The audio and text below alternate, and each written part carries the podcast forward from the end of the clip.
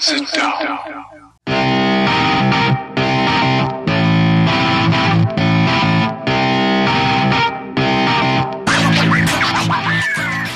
Witam wszystkich i każdego z osobna. Ja jestem Wiaro, a to jest Kochana NBA, najbardziej nieobiektywny podcast o najlepszej koszykarskiej lidze świata. Witajcie, witajcie, witajcie. Mieliśmy troszkę obsuwy, nie widzieliśmy się, nie słyszeliśmy się w poprzednim tygodniu. E, to wszystko jest moja wina, bo troszkę się rozchorowałem, miałem małe zapalenie gardła, ale wracamy do Was właśnie w tym tygodniu z nowym odcinkiem. I co najciekawsze, będzie to odcinek specjalny, a wszystko dlatego, że Wiaro, z którym mam przyjemność go prowadzić, niedawno miał urodziny i dlatego właśnie robimy dzisiaj ten odcinek dziewiąty. Dziewiąty numer to też jest specjalny numer dla Wiara, e, więc robimy taki odcinek e, Special Edition Kochana NBA i będzie to właśnie odcinek poświęcony troszkę Wiarowi. A ten odcinek będzie polegał na tym, że dzisiejsze tematy do rozmowy zaproponuje właśnie Wiaro. Ja nie mam pojęcia, co to będą za tematy, jestem totalnie nieprzygotowany, więc e, to, o czym dzisiaj będziemy rozmawiać, wychodzi właśnie e, od Wiara. No i może e, przejdźmy już do pierwszego tematu. Wiaro, zaskocz mnie, co to będzie za temat? No, dokładnie tak jak mówisz. Mm, tak jak wspomniałeś, dziewiątka numer dla mnie bardzo bliski. Także bardzo fajnie, że akurat ten dziewiąty odcinek wypadał praktycznie równo w moje urodziny. Mm, bardzo miło się złożyło, więc postanowiliśmy sobie tak się, tak się tutaj pobawić. No i tak, zaskoczę Cię może pierwszym tematem, może nie, bo temat jest mi bliski. Wielokrotnie o nim rozmawialiśmy. Praktycznie co roku do tego tematu nawiązujemy i co roku ja mam wielki ubaw gadając z Tobą na ten temat, więc pomyślałem, że i w tym roku od tego może zaczniemy a mianowicie chciałbym z Tobą pogadać o drafcie, o najbliższym drafcie. Czy masz jakiś swoich ulubieńców w tym drafcie, czy widzisz jakieś e, wielkie talenty, czy masz może jakiś po prostu e, koleżków, którym bardzo, z którymi bardzo sympatyzujesz z jakichś powodów, bo często się tak zdarza, że, że w tych draftach gdzieś mamy zawodników, którzy może talentem e, się, się, się nie wybijają jakoś strasznie, ale mają jakieś takie, takie elementy, które nas sprawiają, że, że, że czujemy do nich sympatię i kibicujemy im później. Mm, no i bardzo jestem ciekaw, czy w tym drafcie też, też tak jest, czy widzisz jakieś takie tutaj piki szczególne dla siebie. Wiesz co, to jest chyba pierwszy taki draft od dawna, kiedy takiego swojego faworyta nie mam i chyba to też wynika z tego, ja mam chyba ten sam problem, który, który mają e, GM-owie w lidze, E, menadżerzy, menadżerzy klubów NBA, to znaczy bardzo trudno było zaobserwować coś w tym roku z uwagi na, na pandemię, z uwagi na koronawirusa. Te rozgrywki, zwłaszcza w lidze uniwersyteckiej, trwały bardzo krótko. Mieliśmy bardzo małą próbkę e, tego, żeby zobaczyć e, tych zawodników, te, te najlepsze talenty, więc dla wielu ten draft jest sporą niespodzianką, a do tego mówi się też, że ten rocznik nie jest jakoś taki szczególnie dobry, e, jeżeli chodzi o, e, o poziom grajków, e, więc nie, nie mam tym razem takiego, takiego swojego specjalnego faworyta, natomiast no jest parę takich ciekawych nazwisk, o których się mówi, zwłaszcza w kontekście tych, tych najwyższych pików. No i, no i zobaczymy, na pewno, na pewno wymienia się tutaj Lamelo Bola, tak, kolejnego członka rodziny Bolów, to jest jedno z tych nazwisk, które pojawia się w kontekście tych właśnie najwyższych pików. E, mówi się też o Antonym Edwardsie, mówi się e, też o Wisemanie. E, no, zobaczymy. Tutaj jakby nie wydaje się, mimo że do draftu tak naprawdę zostało tylko kilka dni, to nie wygląda na to, żeby panował tutaj jakiś konsensus odnośnie tego, kto ten najwyższy, kto zostanie wybrany z tym najwyższym pikiem. Czy ty może wiesz już coś na ten temat? Czy dotarły do ciebie jakieś takie informacje? Nie, no tutaj masz 100% y, racji. Ten draft jest chyba słabym draftem, tak, tak to przynajmniej w moim odczuciu wygląda. Nie ma tutaj e, faktycznie jakichś takich talentów mm, pokroju, nie wiem, Ziona Williamsona z zeszłego roku, że wszyscy jednogłośnie mówią, że o, to jest ewidentnie najlepszy koszykarz w tym drafcie. Mm, na mm, tych pikach 1-3 czy nawet 1-5 jest e, faktycznie duży chaos. No, no nie wiadomo, który tak, tak naprawdę, jak, jak tych zawodników oceniać. Natomiast ja troszeczkę się temu przyjrzałem, jak dobrze wiesz, ja, ja, ja bardzo lubię y, jakby cały ten temat draftu i staram się śledzić tych zawodników, którzy nawet gdzieś tam w przyszłym roku, czy, czy za dwa lata dopiero gdzieś tam w drafcie mogą się pojawić, um, więc y, troszkę jakby te nazwiska nie są mi też obce, tak? Y, I chciałem tutaj właśnie zwrócić uwagę e, akurat na Antonego Edwardsa, który moim zdaniem będzie z tej trójki zawodników prawdopodobnie będzie najlepszym zawodnikiem z, tej, z tej trójki, którą wymieniłeś, czyli James Wiseman i, i Lamelo Ball.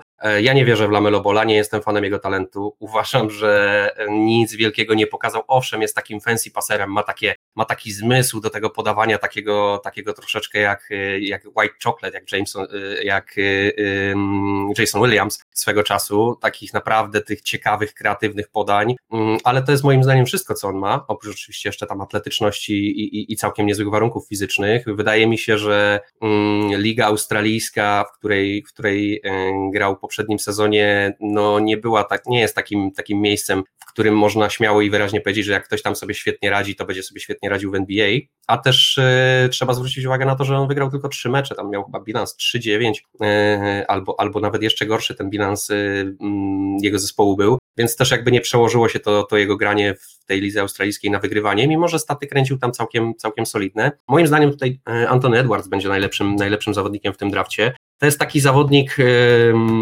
taki, taki prototypowy, powiedzmy, rzucający obrońca, tak? Czyli taki zawodnik e, pokroju właśnie Dwayna Wade'a, pokroju Kobiego Bryanta, pokroju Michaela Jordana, bardzo atletyczny, niezwykle taki, taki zmysł do, do zdobywania punktów, niezwykle, niezwykle wyraźnie to u niego widać, ma taką łatwość zdobywania tych punktów, e, ale jest też takim zawodnikiem, moim zdaniem, wiele osób mu zarzuca, że, że teoretycznie nie jest, że psychika u niego nie jest jakaś na najwyższym poziomie, że nie ma jakiejś takiej pasji do koszykówki, miłości do koszykówki, jaką, nie wiem, choćby Kobi Pałał, tak? E, moim zdaniem to nie jest do końca tak. Myślę, że to jest takie troszeczkę czepianie się. Troszkę oglądałem wywiadów z tym gościem, e, gdzieś tam, gdzieś tam słuchałem e, już nawet w zeszłym roku jakiś analiz jego gry i wydaje mi się, że on ma wszystko to, co potrzeba, żeby być naprawdę, naprawdę dobrym zawodnikiem.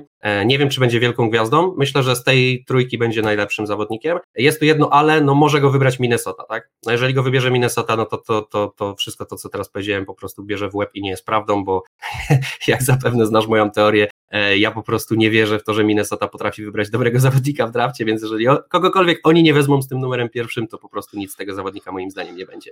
No nie wiem, czy Kevin Garnett by się z tobą zgodził e, w tym względzie e, akurat, chociaż to, chociaż to rzeczywiście zamieszła historia. Wiesz co, ja postaram się troszkę odnieść do tego, co, co ty powiedziałeś. Mam nadzieję, że, że dobrze zapamiętam w kolejności po pierwsze to, że, że ten draft y, i, i ta klasa przyszłorocznych rukich nie jest za dobra, no to, to jest fakt i, i o tym wiedzą też właśnie e, menedżerowie zespołów NBA. E, widać to też po tym, jak, e, jak mówi się, jak bardzo dużo zespołów chciałoby zejść w dół ze swoimi numerami w drafcie, chciałoby wytradować te swoje wysokie piki, coś e, za nie zyskać, e, na przykład wybory w przyszłorocznym drafcie. E, takich zespołów jest cała masa. Tak naprawdę o, o, o wszystkich tych zespołach, zarówno Minnesota z numerem pierwszym mówi się, że chciałaby właśnie wytradować ten, ten pierwszy numer w drafcie. Golden State to już e, z całą pewnością, Atlanta Hawks chciałaby zejść niżej, oni bodajże mają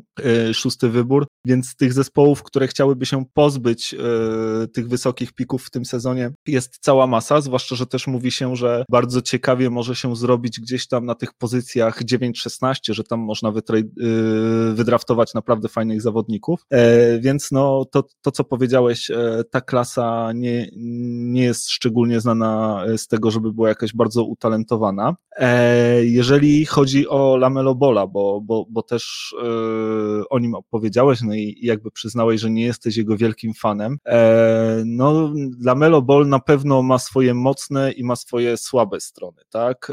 Jego mocną stroną na pewno jest dribbling, jego mocną stroną na pewno są podania oraz to, że no, ma 6, 6 stóp, 7 cali wzrostu na pozycji rozgrywającego i jest ciągle młody, więc, więc jeszcze może urosnąć. To jest e, bardzo dobry wzrost jak na rozgrywającego. Takich... To może ci się e, tylko tak wtrącę, że mm, dla ludzi, którzy mają problem z, z tą amerykańską numeracją, to to jest 2 metry 1 mm, centymetr wzrostu, o ile się nie mylę, 6-7, także no ogromny jak na, na rozgrywającego.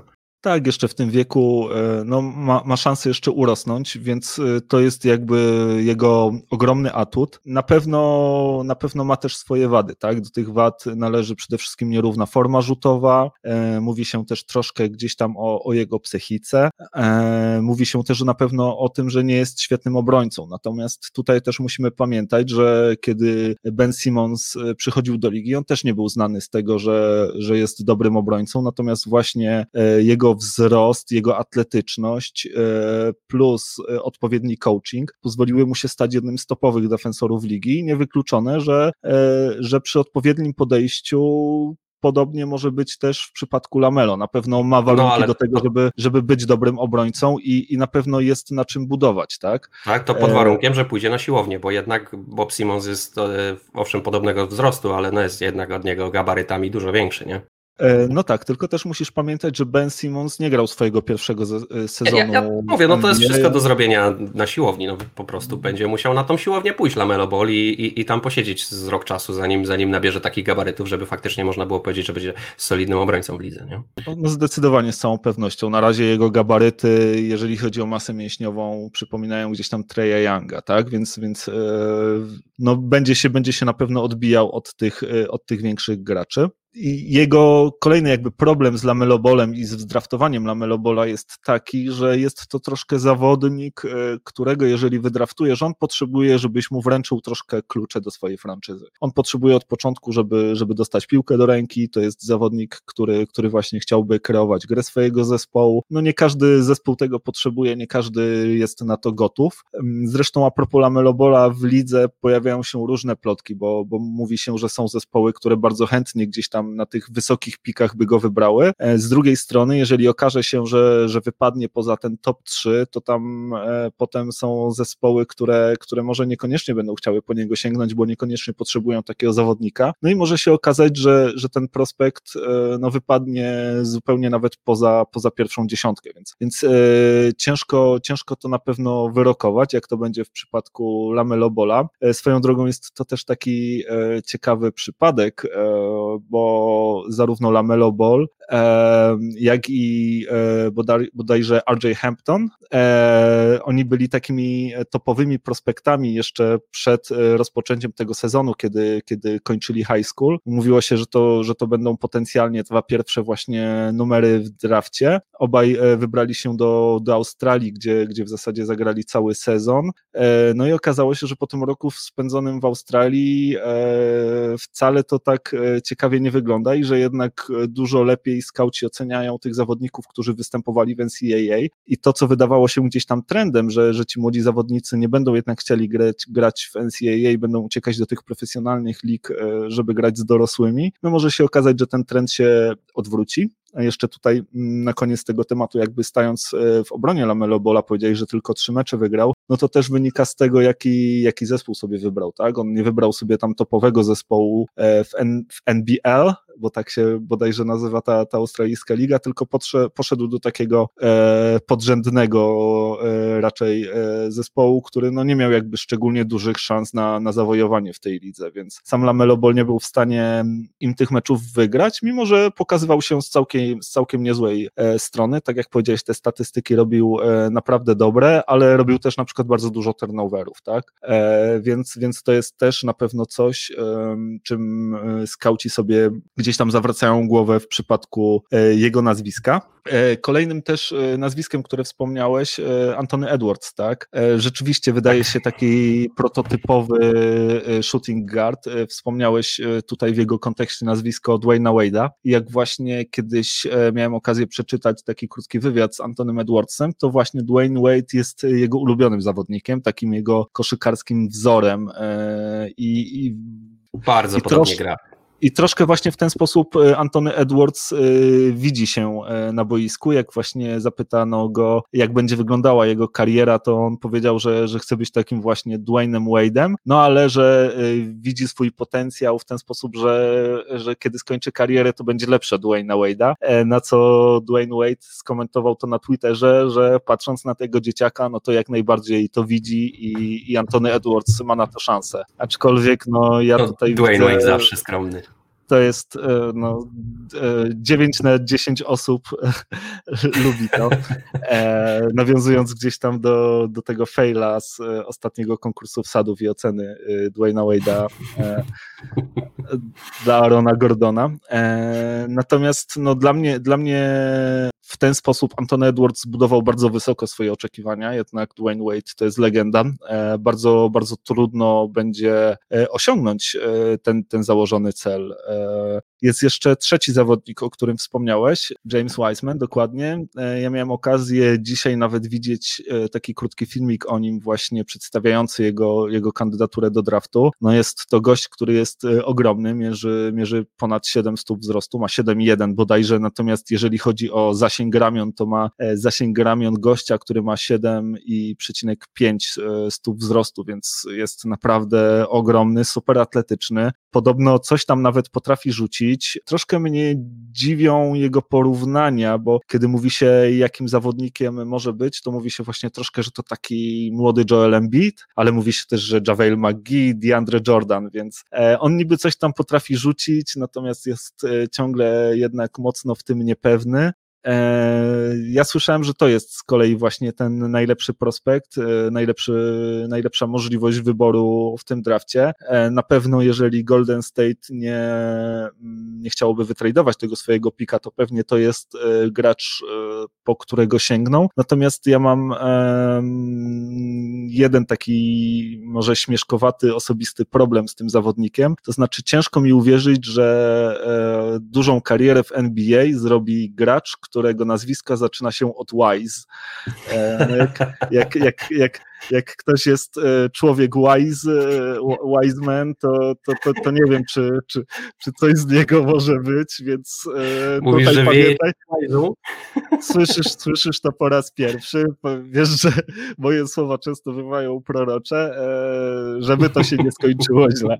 Tak, y, to znaczy też y, rozwieję tutaj drobną wątpliwość. Ja y, nie twierdzę, że mm, Antony Edwards jest wszemi wobec uważany za najlepszy pik w tym drafcie. To jest moim zdaniem zawodnik, moim zdaniem po prostu zawodnik, z którego będą, będzie największy pożytek. Ja myślę, że on naprawdę ma potencjał być gwiazdą. Nie wiem, czy będzie Dwaynem Wade'em, no ale życzę mu tego.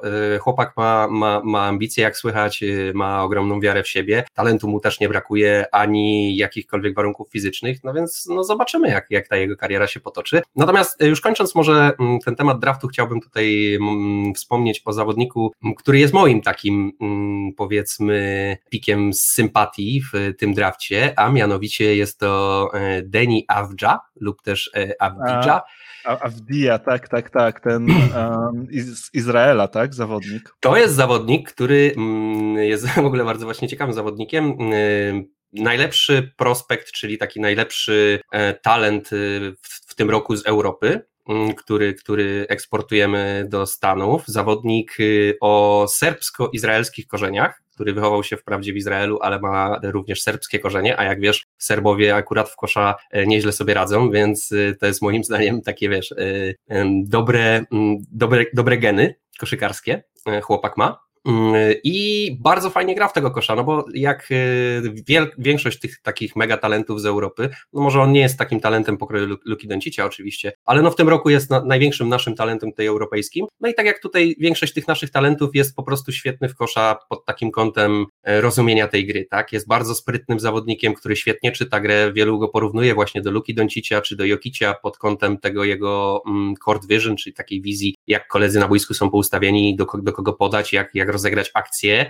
E, no i to, jak wiesz, tacy zawodnicy do wszystkiego, którzy się nadają i którzy potrafią zebrać, podać, rzucić, wejść pod kosz. E, mm, no ja uwielbiam takich zawodników, zawsze takich zawodników lubiłem, to jest dla mnie, dla mnie taki trochę ideał grania w kosza e, i dlatego też to jest mój taki tegoroczny sympatii pik, tak go nazwijmy.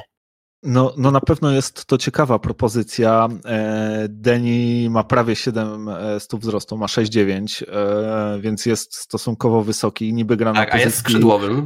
small forwarda, ale tak naprawdę on troszkę gra takiego rozgrywającego, takiego point forwarda. Jest bardzo uzdolniony technicznie, zresztą podobno zrobił ogromne wrażenie właśnie na Golden State Warriors, gdzieś tam w tych, w tych seriach treningowych, gdzie, gdzie właśnie trenerzy przyglądali się zawodnikom Natomiast no, e, zastanawiają się e, w NBA, czy to tylko zasłona dymna, czy tutaj Golden State próbuje gdzieś tam podpuścić inne zespoły. Natomiast no, e, Avdia rzeczywiście wydaje się być bardzo, bardzo ciekawym wyborem. Tutaj w przypadku jego osoby, podobnie jak to się ma w kwestii wielu zawodników przychodzących z Europy, no problemem może się wydawać ta, ta sfera defensywna, czy on sobie poradzi jakby, czy nie będzie straszną łajzą w tej defensywie i, i czy będzie się, się dało nim grać wybrać. Właśnie Jeżeli... mówi się, że to jest zawodnik, który potrafi bronić na pozycjach 1-4, więc yy, też się tutaj węszy potencjał. Oczywiście to się wszystko to... musi okazać, bo wiesz jak jest Europa, Stany no Zjednoczone, no to, to, nie to, to samo, nie? To samo chciałem powiedzieć, że, że krycie w Europie na pozycjach 1-4 to jest zupełnie coś innego niż, niż krycie w NBA. Na pewno, na pewno no jest, jest szansa na to. Zresztą też wiesz, jeżeli będzie miał um, świetne umiejętności ofensywne i będzie to pokazywał, no to wiesz, Luka jest e, absolutnie fatalnym obrońcą, tak? Co nie przeszkadza mu być też... jednym z najlepszych zawodników ligi, bo po no prostu jego, jego potencjał ofensywny jest, jest tak przytłaczający, że, że w obronie spokojnie można go jakoś schować i, i nie boli swojej drużyny. Więc jeżeli podobnie będzie z Denim, e, to tutaj e, no jakby jak najbardziej może, może być podobnie. Więc e, bardzo, bardzo ciekawy, e, ciekawy, ciekawy wybór. Ja też jeszcze chciałem tutaj wspomnieć jednego zawodnika, e, o którym gdzieś tam miałem okazję usłyszeć. Zawodnik może troszkę, troszkę mniej znany, nazywa się Patrick Williams. On grał w Florida State w poprzednim sezonie. Co ciekawe, nie był nawet zawodnikiem podstawowym, był pierwszym wchodzącym z ławki, szóstym graczem, natomiast e, mówi się o nim, że to jest troszkę taki e, młody Clay Thompson. Zawodnik, który znakomicie rzuca za trzy, rzuca po prostu na świetnych skutecznościach, a do tego jest fantastycznym obrońcą. I co się też właśnie dużo o nim mówi, ma podobno no, niesamowitą etykę pracy. To jest taki gym rat, który, który po prostu nie wychodzi, nie wychodzi z siłowni, cały czas trenuje, że podobno ma właśnie taki, takie nastawienie troszkę kobiego pod tym względem. I, e, no i właśnie prognozuje się, że on zostanie gdzieś wybrany w, e, gdzieś pomiędzy ósmym a, a szesnastym miejscem. Natomiast e, gdzieś z tego, co słyszałem, a słyszałem to z ust osób, które no moim zdaniem znają się na NBA bardzo, bardzo i, i na tych kwestiach draftowych, e, bo, bo to między innymi od Kevina O'Connora, to jest, to jest zawodnik, który ma szansę zrobić ogromną e, karierę. Może nie będzie to taki, no tak jak podobnie to się ma w przypadku Kleja Thompsona, tak? Clay Thompson nie mówi się o nim, że jest e, jednym tam z pięciu czy z dziesięciu najlepszych graczy ligi, natomiast e, jest to zawodnik, którego zawsze chciałbyś mieć w swojej drużynie. I tak naprawdę niezależnie od tego, jaka to będzie drużyna, to taki tego typu zawodnik świetnie się w niej sprawdzi i zawsze się przyda, tak? Więc, więc tutaj na pewno przynajmniej uważam, że, że warto zwrócić uwagę jeszcze na tego zawodnika.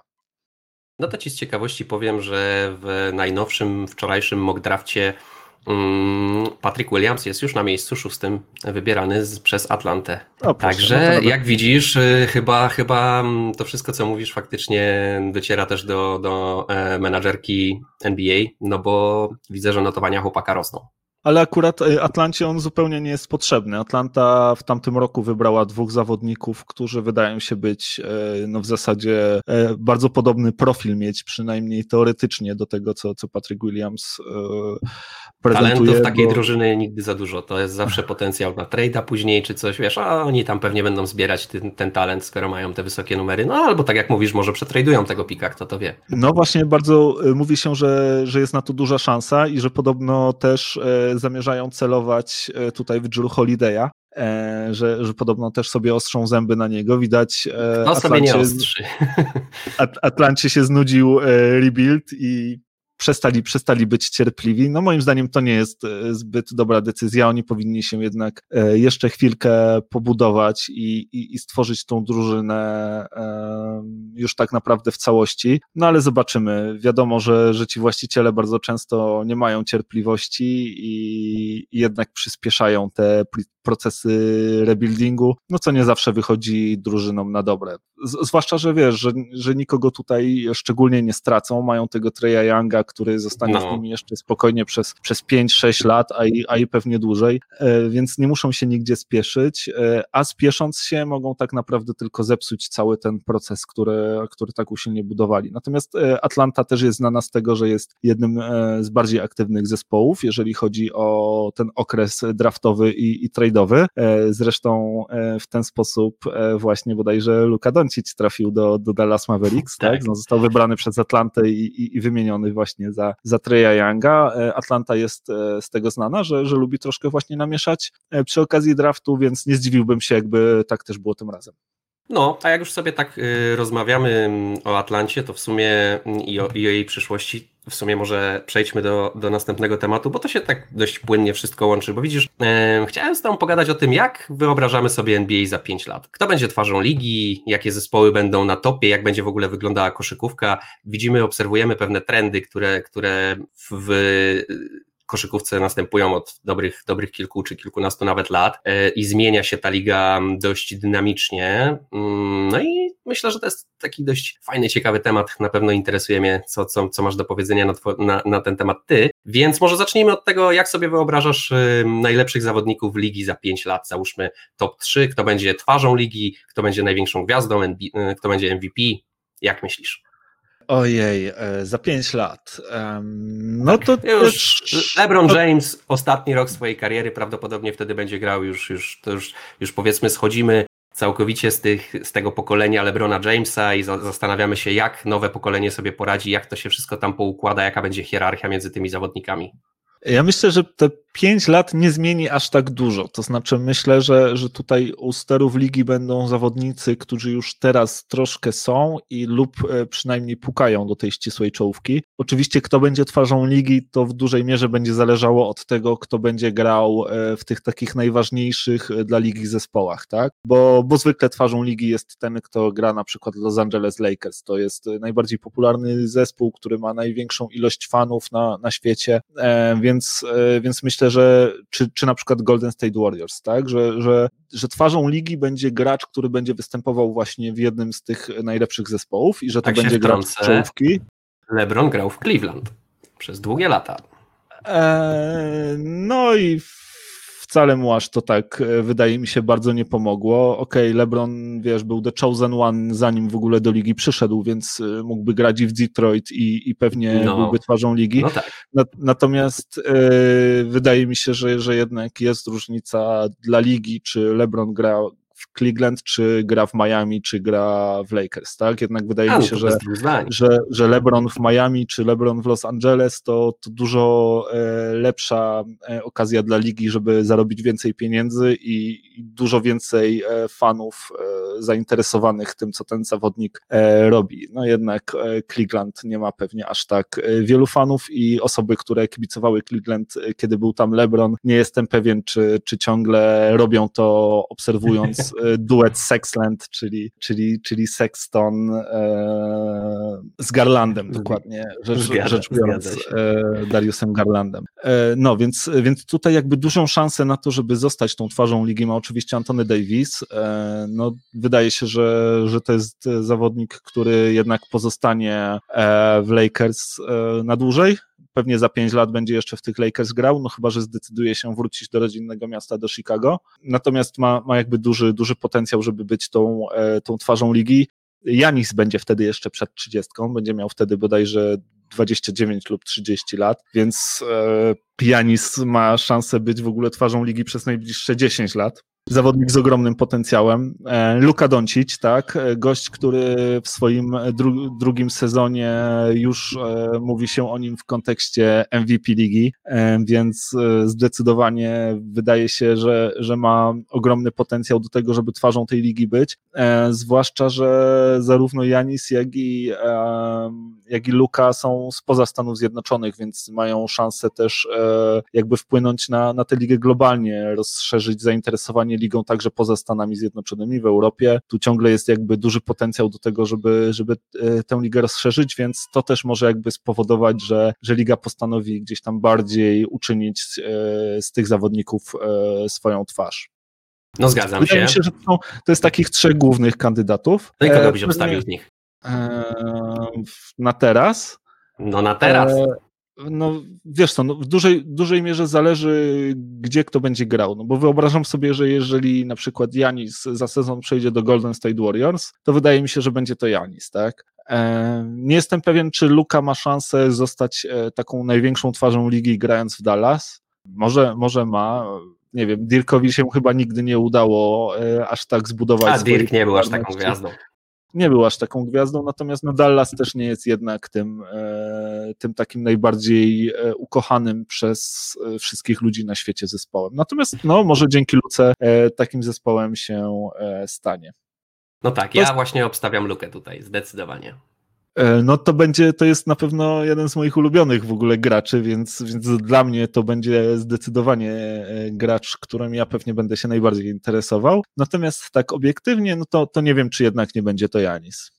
No to ja powiem Ci, dlaczego ja uważam, że nie będzie to Janis, a będzie to Luka. E, moim zdaniem właśnie ten potencjał, który Luka ma, mm, żeby przyciągnąć e, do siebie fanów spoza Stanów Zjednoczonych jest ogromny. Myślę, że większy niż Janisa, mm, ze względu na to, jak e, Luka gra w koszykówkę. No, no kto jeszcze nie, nie oglądał, kto jeszcze nie wie, kto jeszcze nie jest uświadomiony, kim jest Luka Doncic, to naprawdę słuchajcie, nie, nie, nie czekajcie, wchodźcie na YouTube'a, pooglądajcie sobie po prostu jego highlighty, pooglądajcie sobie jego, jego występy, a najlepiej całe mecze, zobaczcie jak gość myśli na boisku, jaki ma spryt, to jest taki młody chłopak, a ma tak ogromne doświadczenie, to jest naprawdę talent wybitny. Janis to jest ogromny talent, ale przede wszystkim pod kątem fizycznym, nie? To, jest, to jest freak, to jest, to jest gość, który, który no, to takich się robi, nie? Takich gości o takich warunkach fizycznych, tak, tak zwinnych, tak szybkich mm, się nie robi, ale Luka po prostu rozumie tą grę na wylot. On jest, on jest już w tym momencie takim weteranem, takim spryciarzem na boisku, i będzie to tylko, tylko rozwijał,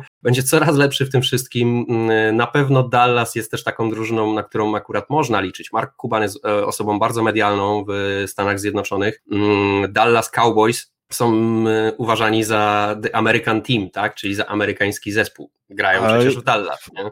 Ja wiem, że to jest inna liga w tym sezonie nie wolno mówić o Dallas Cowboys. Oni grają jeden z najgorszych sezonów w całej swojej historii. E, grając, grając chyba najgorszą w całej historii NFL defensywę, e, więc e, są absolutnym rozczarowaniem. Wszyscy się z nich w tym sezonie śmieją i nikt chyba w Ameryce teraz nie przyznaje się do tego, że, że jest kibicem Dallas Cowboys. Nawet Steven A. Smith, który, który zawsze jakby jego, e, jego wizytówką było to, że wyśmiewał się właśnie z Dallas Cowboys i z ich kibiców, uważając ich za najgorszych kibiców e, w całym sporcie. Widząc to, co ta drużyna robi, stwierdził, że nie będzie się nad nimi znęcał i w ogóle nie chce już na ten temat rozmawiać, więc, więc akurat Dallas Cowboys może zostawmy. Jasne, e, ale tak czy inaczej chodzi mi o to, że Dallas to jest ogromne miasto z, z, bardzo dużym potencjałem marketingowym. Myślę, że Luka ma tam szansę na to, żeby zostać twarzą ligi jak najbardziej. A, a jednak moim zdaniem jego gra będzie tylko lepsza, będzie coraz bardziej y, dominującym zawodnikiem, wygra parę razy MVP.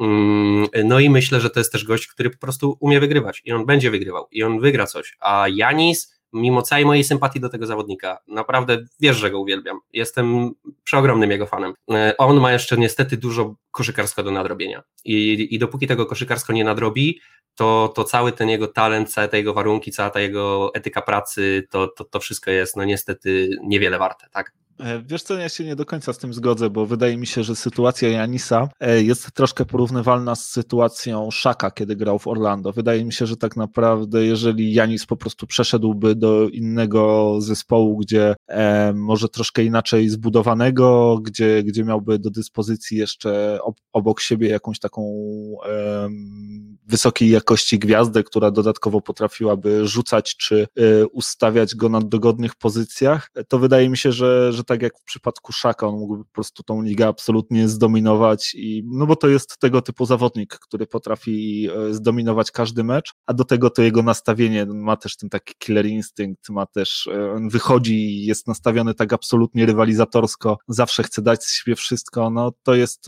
to jest coś, co na pewno jest bardzo cenione. Natomiast no Luka, no wiesz, że ja, ja uwielbiam tego gościa jakby w każdym aspekcie. On jest, on jest mądrzejszy od wszystkich innych zawodników na boisku, no chyba, że, że akurat jest tam rondo. E, wtedy, wtedy może gdzieś tam są, są na równi.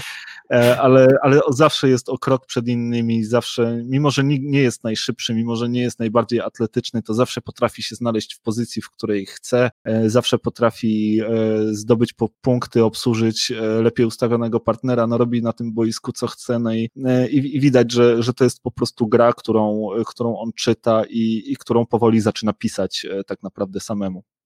Tak, ja obstawiam właśnie dlatego ja, Lukę e, nad Janisem tutaj. Mm, no dobra, mm, ty obstawiasz Janisa, ja obstawiam Lukę. Obaj y, się zgadzamy co do tego, że to są wybitni zawodnicy i, i, i tak naprawdę wróżymy sobie teraz tutaj z fusów, e, no ale na tym też cała zabawa polega, tak? Mm, no to dobra, ustaliliśmy to, to co, jeżeli chodzi o MVP, to przypuszczam, że, że będzie dość podobnie, chociaż MVP to jest też tak ciężko zgadywać, e, kto będzie za 5 lat MVP, ale może postarajmy się zastanowić nad tym, jakie będą najlepsze drużyny w NBA wtedy, kto się będzie bił w finałach, jak myślisz, jaka będzie pierwsza trójka na zachodzie, pierwsza trójka na wschodzie?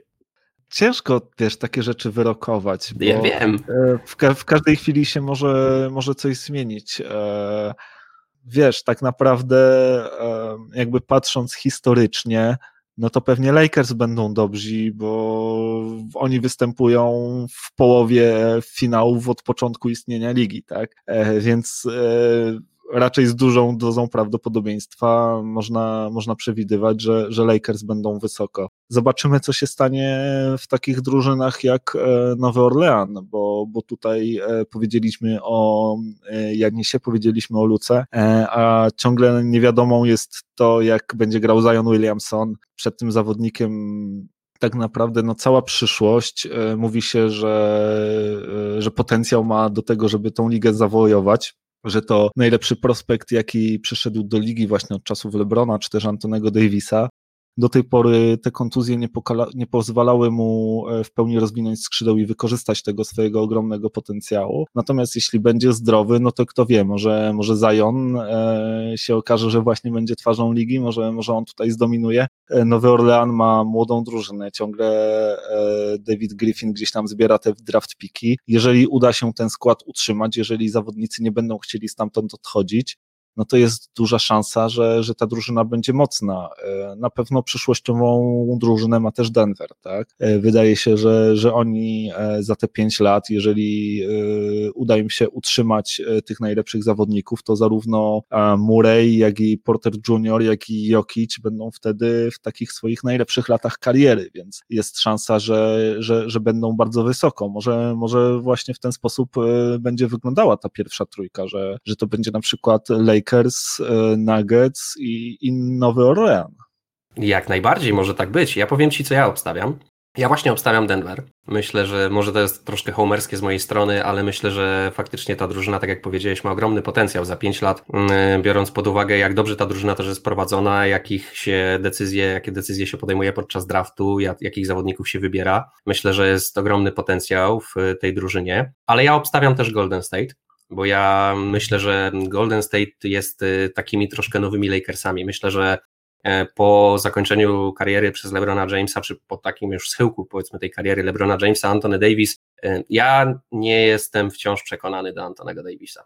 Może od tego zacznę, tak? Jest to zawodnik z turbo potencjałem, z turbo talentem, który potrafi wszystko na boisku, ale jak nie ma obok niego Lebrona Jamesa, to ja po prostu o niego drżę. I nie wiem, czy on sobie poradzi, jak tego Lebrona tam nie będzie, a też nie wiem, czy Lakersi mają w tym momencie faktycznie taką siłę przebicia. Czy to nie jest taki trochę sztuczny blask tych Lakersów, tak? Że ponieważ jest tam King James, król James i on bardzo mocno świeci i błyszczy, e, no to, to, to, to ten splendor spływa też, też na Lakersów, a wszyscy się podpieramy tą ich fantastyczną historią o której mówi, mówisz, że 17 finałów, czy, czy tak, 17 już wygranych tak, w finałach. Czy to nie jest trochę tak, że jak Lebrona zabraknie, to jednak y, Lakersi mogą wrócić do tego, co było zanim tam, Laker, zanim tam Lebron przyszedł, tak? No pamiętasz, najlepsze czasy pewnie twojego kibicowania, a przynajmniej jedne z antykibicowania Lakersom. Na pewno mnie się to też fajnie, fantastycznie oglądało, bo ja y, jako fan Denver też za Lakersami nie przepadam. Też nas wielokrotnie y, bili w playoffach i nie jest to fajne, więc taki jakiś tam rywal. Natomiast Golden State wydaje mi się, że może być takimi nowymi Lakersami, Lakersami nowych czasów. Wiadomo, że nie wiadomo, nie mamy pewności jak, jak y, i kiedy zakończy się sytuacja z pandemią, no ale docelowo prawdopodobnie w przeciągu pięciu lat się zakończy i Golden State wróci do tej swojej cudownej nowej areny, która naprawdę, jak ktoś nie widział, zobaczcie sobie zdjęcia, no przepiękne to jest. Co, to, można nie lubić tego zespołu, można, można się z nich śmiać na różne sposoby, ale no arenę sobie taką dowalili, że mm, Przede wszystkim catching, catching, e, bo mówi się, że ta mm, arena jest, jest, bankomatem, e, że, że podobno generuje, czy jest w stanie generować tyle pieniędzy, że żaden inny, żaden inny klub nie jest w stanie tyle wyciągnąć. E, zobaczymy, Clippersi budują nową arenę w Inglewood. Ma być podobno właśnie bardzo, bardzo tak, podobna do tego, co, co, co ma Golden State, więc, więc może też będzie szansa coś zarobić. Tak, dlatego ja się spodziewam, że Golden State będzie mocne. Spodziewam się, że będą polowali właśnie na Janisa, jak nie na Janisa, to na kolejnych y, wielkich agentów i będą y, takimi nowymi Lakersami, czyli będą właśnie przyciągać tych wolnych agentów, y, i, i, i będą budować takie super teamy, tym bardziej, że cały czas mają Stefa i Kleja, którzy jeszcze przez 5 lat pograją, zobaczymy już tam, wiadomo, że za 5 lat to już pewnie nie na tym poziomie co teraz, ale, ale no wciąż to będzie bardzo dobra drużyna, a myślę, że trzecią drużyną, która będzie wtedy, będzie Dallas. Obstawiam, że Mark Kuban będzie robił swoją magię. Już mu się udało Kristapsa Porzingisa za bezcen praktycznie z Nowego Jorku ściągnąć. E, I to nie jest pierwszy raz, kiedy on coś takiego robi. E, myślę, że wiesz, że ja nie lubię akurat tej drużyny, ale no nie mogę, nie mogę jakby nie widzieć tego, co się w tej drużynie dzieje i jak ona jest budowana. Jakbym był fanem Dallas, to bym po prostu był przeszczęśliwy i, i naprawdę patrzyłbym z ogromnym optymizmem w przyszłość. E, pełna zgoda. Ja nawet jak tak to powiedziałeś, to chyba nawet widzę Dallas wyżej niż, niż Nowy Orlean. Wydaje mi się, że mają większe szanse, żeby jednak na ten szczyt zawędrować, zwłaszcza, że e, zwykle na szczyt trafiają drużyny, które mają najlepszych zawodników. E, w lidze ci zawodnicy te zespoły potrafią pociągnąć, no a Luka wydaje się właśnie będzie, będzie tego typu zawodnikiem. Natomiast nie do końca wiem, kto na tym e, szczycie zachodów będzie, natomiast e, wiem, kogo tam na pewno nie będzie. Na pewno nie będzie tam Sacramento Kings. E, no, ale to, to chyba nic dziwnego. Tak, to nas nie dziwi. No dobra, a na wschodzie, jak to widzisz? Czy, czy może ja zacznę, co? No, proszę bardzo, zacznij. Chętnie.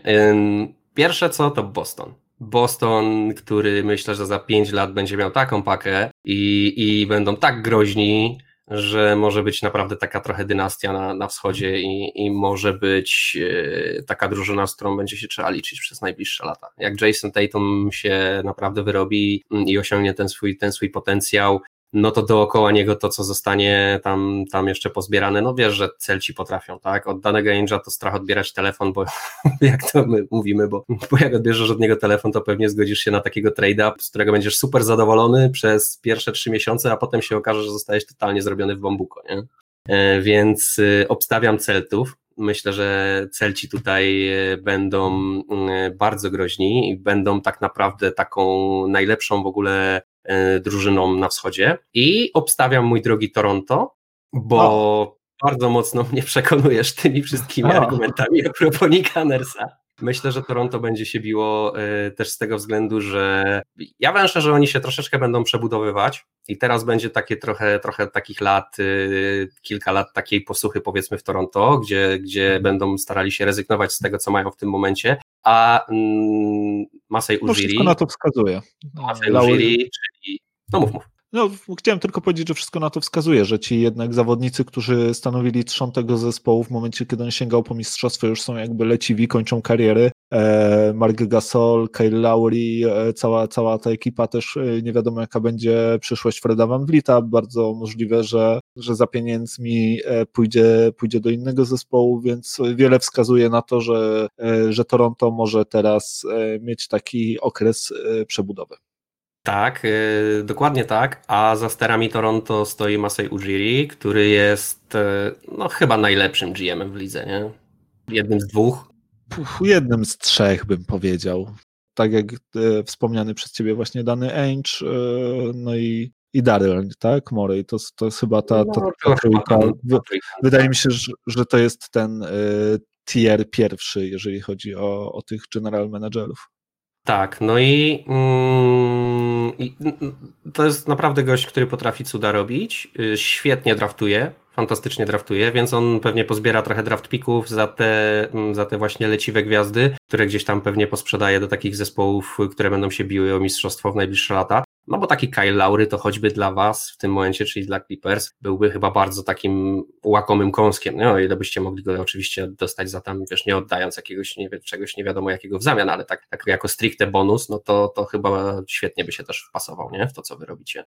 No na pewno by się wpasował, natomiast no nie tak, wydaje mi się, żeby Clippersi mieli cokolwiek, co, co, co by interesowało Toronto. Ale y, tak mówię, że no choćby w takim zespole, tak? Y, Lakersi też pewnie będą poszukiwali point guarda za jakiś czas, a i wiele innych zespołów, gdzie, gdzie Kyle Lowry pewnie by się, by się sprawdził. A to tylko jeden z zawodników, których y, w Toronto mają, których można gdzieś tam sprzedać za, za przyszłość tego zespołu. I myślę, że mm, Masai Ujiri jest w stanie wybudować Nikowi Nersowi drużynę, z którą ten za pięć lat będzie mógł, będzie, będzie rywalizował o mistrzostwo w, na wschodzie. Co myślisz? E, no, ja przede wszystkim myślę, że Masai Ujiri nie wytrzyma tyle w Toronto, 5 e, lat. E, to jest bardzo łakomy kąsek dla innych zespołów, które chętnie widziałyby go w swoim zespole i tutaj dużo plotkuje się o Knicksach i oni kuszą bardzo Masaya Ujiri tym, że udzielą wsparcia finansowego projektom, które prowadzi. Masai Ujiri bardzo angażuje się w takie projekty wspierania Afryki, budowania tam różnego rodzaju szkół, gdzieś tam właśnie e, wspierania finansowego tych, e, tych biednych, biednych ludzi z afrykańskiej społeczności. E, I tutaj jakby Niksi kuszą go też pieniędzmi, które, które gdzieś tam wesprą te jego fundacje. No i niewykluczone, że, że Masaja za pięć lat w Toronto nie będzie. Ale jeszcze dokończ może, bo jeszcze nie powiedziałeś o trzeciej drużynie, ja może wtedy się dopiero włączę. Chciałem tak po prostu Twoją opinię o, o Toronto usłyszeć, bo wiem, że y, często o tym rozmawiamy. Ja nigdy nie byłem ich wielkim fanem, ale tak jak mówię, przekonujesz mnie bardzo mocno do tego. A trzecią drużyną, która mm, obstawiam, że będzie w czołówce ligi za 5 lat, są e, tegoroczni finaliści, czyli Miami Heat, które, jak już wspominaliśmy, gdzieś tam ma moim zdaniem wszystko to, co potrzeba też, żeby taką drużynę na przyszłość budować. Są zespołem, który jest w stanie jak najbardziej przyciągać wolnych agentów do siebie. Pat Riley to jest on nie jest y, stricte chyba GM-em, jest po prostu prezydentem y, y, klubu i zarządza tym klubem fantastycznie. Jest też bardzo szanowany człowiek z ogromną historią w NBA, który nie ma nigdy problemu, żeby zorganizować sobie spotkanie jeden na jeden z jakimkolwiek wolnym agentem w tej lidze, więc na pewno będą kusić jak pokazali, też potrafią fajnie w drafcie wybierać. Mają troszeczkę e, kilku takich naprawdę fajnych e, młodych zawodników, jak Tyler Hero, czy Duncan Robinson, czy mm, Bam. Także jakbym był tak, tak, samo, tak samo jak w przypadku pozostałych drużyn, o których wspomniałem, jakbym był fanem Miami, e, byłbym ogromnie zadowolony dzisiaj patrząc w przyszłość i, i, i ostrzyłbym sobie zęby za, na to, co będzie za parę lat. E, no, powiem ci, że e, z tych twoich e, wyborów tylko jeden mnie zaskoczył, to właśnie Toronto. W życiu bym się nie spodziewał, że, że wybierzesz, że akurat ty wybierzesz ten zespół E, jako, jako taki, który, który będzie jednym z najlepszych w przyszłości. Na pewno e, Boston i Miami mają papiery na to, żeby takimi najlepszymi zespołami na wschodzie być. Mają e, trzon fajnych młodych zawodników, takich uniwersalnych, nowoczesnych. W przypadku Boston to są, to są ci młodzi skrzydłowi, tak, którzy potrafią nie tylko bronić, ale też zdobywać punkty. W przypadku Miami, no to tutaj zarówno Tyler Hero, jak i Duncan Robinson, jak i Bam Adebayo to jest taka podstawa, na której można solidnie budować e, przyszłość. Do tego, tak jak powiedziałeś, no Miami jest idealnym miejscem do tego, żeby, żeby tych e, wolnych agentów sprowadzać. Kto nie chciałby e, mieszkać w miejscu, gdzie zawsze świeci słońce, gdzie są wspaniałe plaże i, i gdzie jeszcze do tego jest świetne życie nocne. No, Zresztą to też widać po tym, jak zespoły, które przyjeżdżają do Miami grać tam swoje mecze, jak, jak wypadają. Mówi się, że o tym jako Miami Fever, bo, bo, bo po prostu wielu, wielu, wielu zawodników grając mecze z hit graje na, na strogim kacu i, i po prostu kiepsko sobie radzą.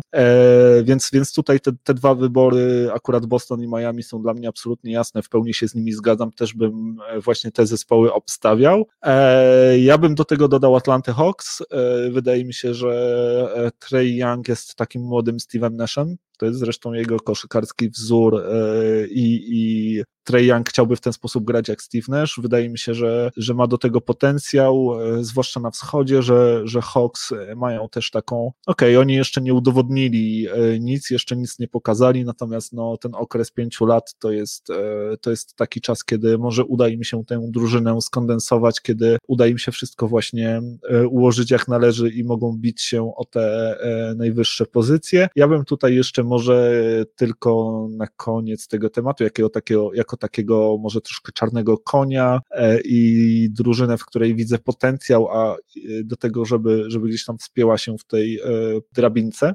Chicago Bulls, zwłaszcza jeżeli Antony, Antony Davis pograłby powiedzmy jeszcze te 4 lata w Los Angeles. A, Postanowił wrócić do domu. Tak, wiesz co, mówi się, mówi się o tym, że e, Antony Davis teraz e, podpisze jakby dwuletni kontrakt, ewentualnie trzyletni z trzecim rokiem na player option, e, po to, żeby potem móc podpisać ten taki, po, po 10 latach gry w NBA możesz podpisać ten jakby maksymalny, największy kontrakt. A gdzieś on przebąkiwał już o tym, że, że chciałby wrócić do Chicago kiedyś, więc jeśli rzeczywiście pograłby jeszcze ze 2-3 lata w Lakersach na wysokim poziomie, jeśli udałoby mu się wygrać jeszcze jedno mistrzostwo, no to niewykluczone, że wtedy wróciłby do Chicago, a Chicago e, klepie biedę, zbiera tych młodych zawodników, stara się tę drużynę budować, kto wie, może, może właśnie przez te pięć lat się rozwiną, może jeśli przyjdzie wtedy do nich taka gwiazda jak Antony Davis, może, może ktoś tam się jeszcze fajny wychowa, to, to coś z tego zespołu też będzie. No, też zaskoczyłeś mnie tutaj faktycznie, ale jak najbardziej ciekawy take. Zgadzam się, że tak jak najbardziej możliwy scenariusz. Mm, chociaż nie wiem, czy faktycznie Anthony Davis będzie chciał wrócić do domu. Ciekawe, mm, jak to będzie wyglądało, ale wyobrażam to sobie bez problemu, bo tak jak już wspomniałem mm, wcześniej, no LeBron będzie jednak tą karierę kiedyś kończył. Ja wiem, że to jest, że, że póki co nic na to nie wskazuje, ale no, no musi to kiedyś nastąpić, tak? Pewnie czeka na swojego syna, aż ten przyjdzie, żeby móc z nim zagrać, e, co by było bardzo ciekawe. I jest na to duża szansa. No i właśnie może już na sam koniec dzisiejszego odcinka chciałbym jeszcze, żebyśmy sobie spróbowali wyobrazić, co ciekawego może się w tej lidze wydarzyć przez najbliższe 5 lat. E, ja może zacznę od tego, mm, jak ja sobie w ogóle wyobrażam, jak ta liga będzie wyglądała a mianowicie e, obserwujemy coś takiego jak small ball, czyli od kilku lat e, jest tendencja do tego, żeby grać z zawodnikami raczej e, niższego wzrostu, niekoniecznie wielkoludami, ale za to zawodnikami, którzy są mega wszechstronni, potrafią bronić na wielu pozycjach, potrafią rzucać, potrafią podawać, potrafią wejść pod kosz. No i wtedy jest taka ogromna płynność, wymienność tych zawodników. Mm, to robiło Golden State, to robiło ja jeszcze, jeszcze bardziej do przesady Houston Rockets przez ostatnie parę lat z większymi lub mniejszymi sukcesami. A teraz wydaje mi się, że to ewoluuje w bardzo podobny koncept, tylko będziemy, będziemy widzieć coraz więcej zespołów, które próbują budować się na takiej samej bardzo podobnej zasadzie, tylko żeby ci zawodnicy jednak byli wielcy, tak? No, tak właśnie dokładnie troszkę... to samo chciałem powiedzieć, że, że e, wiesz, bo small ball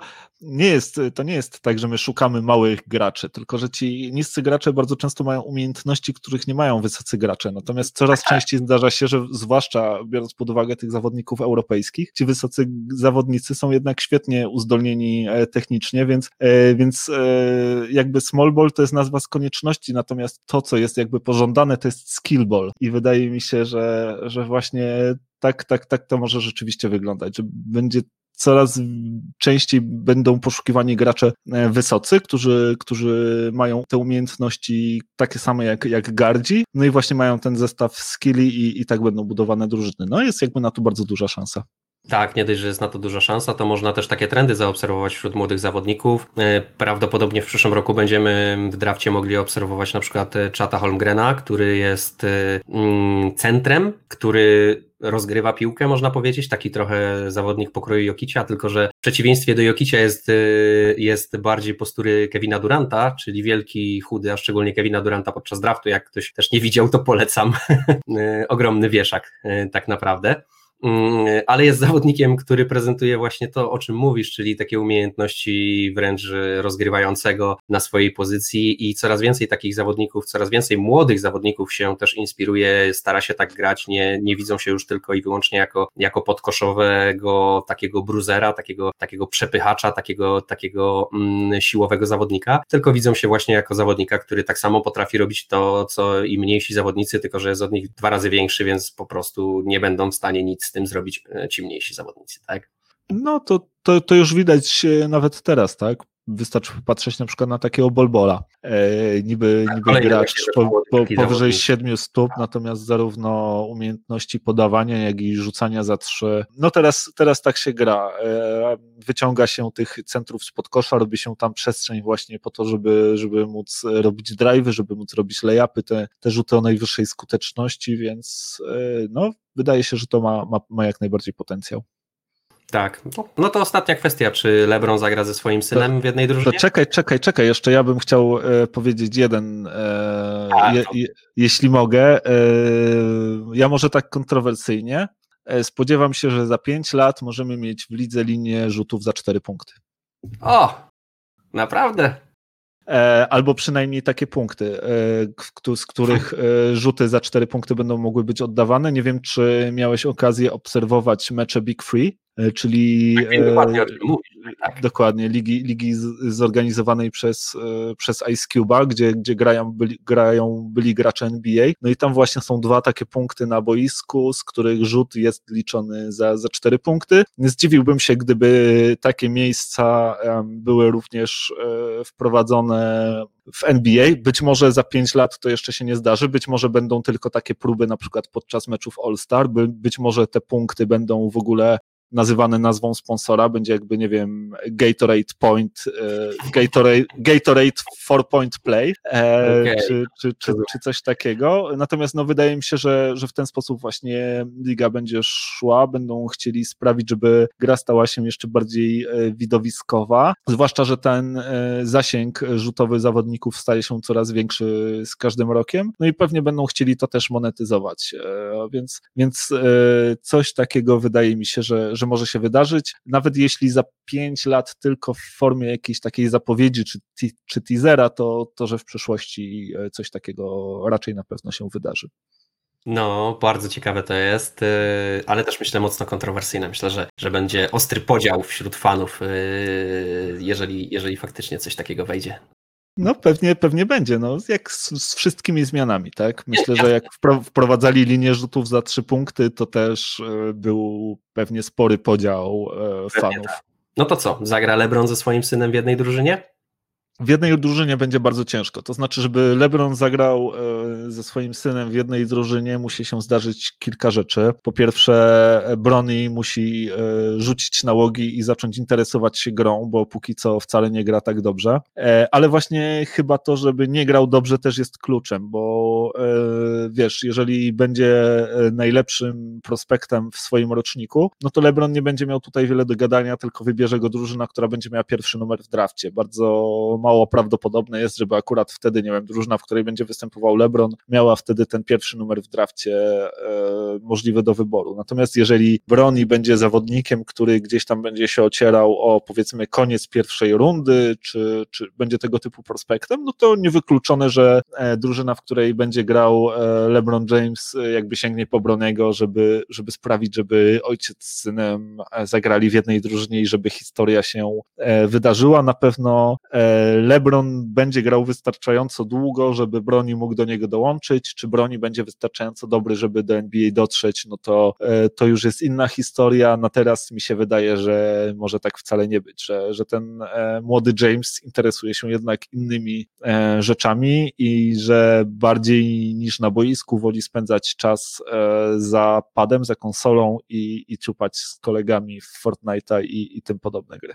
No tak, to przynajmniej na razie niestety wygląda. Ale no, tak jak mówisz, byłoby to historyczne wydarzenie, gdyby się, gdyby się tak udało, żeby LeBron ze swoim synem zagrał. Także mm, myślę, że przyszłość ligi jest, y, kreuje się tutaj niezwykle ciekawie. Możemy z optymizmem spoglądać na to, co się będzie działo. E, dużo, dużo, dużo, dużo ciekawych rzeczy nas czeka. E, na pewno fajnych gwiazd, nowych, młodych, zmiany tego, kto niesie pochodnie. No, ja jestem e, pełen e, optymizmu na najbliższe 5 lat. To ja podzielam ten optymizm. E, no i co? No i chyba na tym zakończymy dzisiejszy odcinek. Mam nadzieję, no. że, że Wam się podobała ta nasza specjalna edycja, kochana NBA Wiaros Edition. Raz jeszcze wszystkiego najlepszego z okazji urodzin Wiaro. A, a... Dzięki, brat a my jesteśmy bardzo ciekawi Waszego zdania na tematy, na które dzisiaj rozmawialiśmy. Jak Waszym zdaniem będzie wyglądać e, przyszłość tej ligi? E, co może się wydarzyć za pięć lat? Jakie zespoły będą groźne na zachodzie, jakie na wschodzie? Jeżeli macie swoje przemyślenia na ten temat, piszcie do nas na kontakt małpka kochana.nba.pl.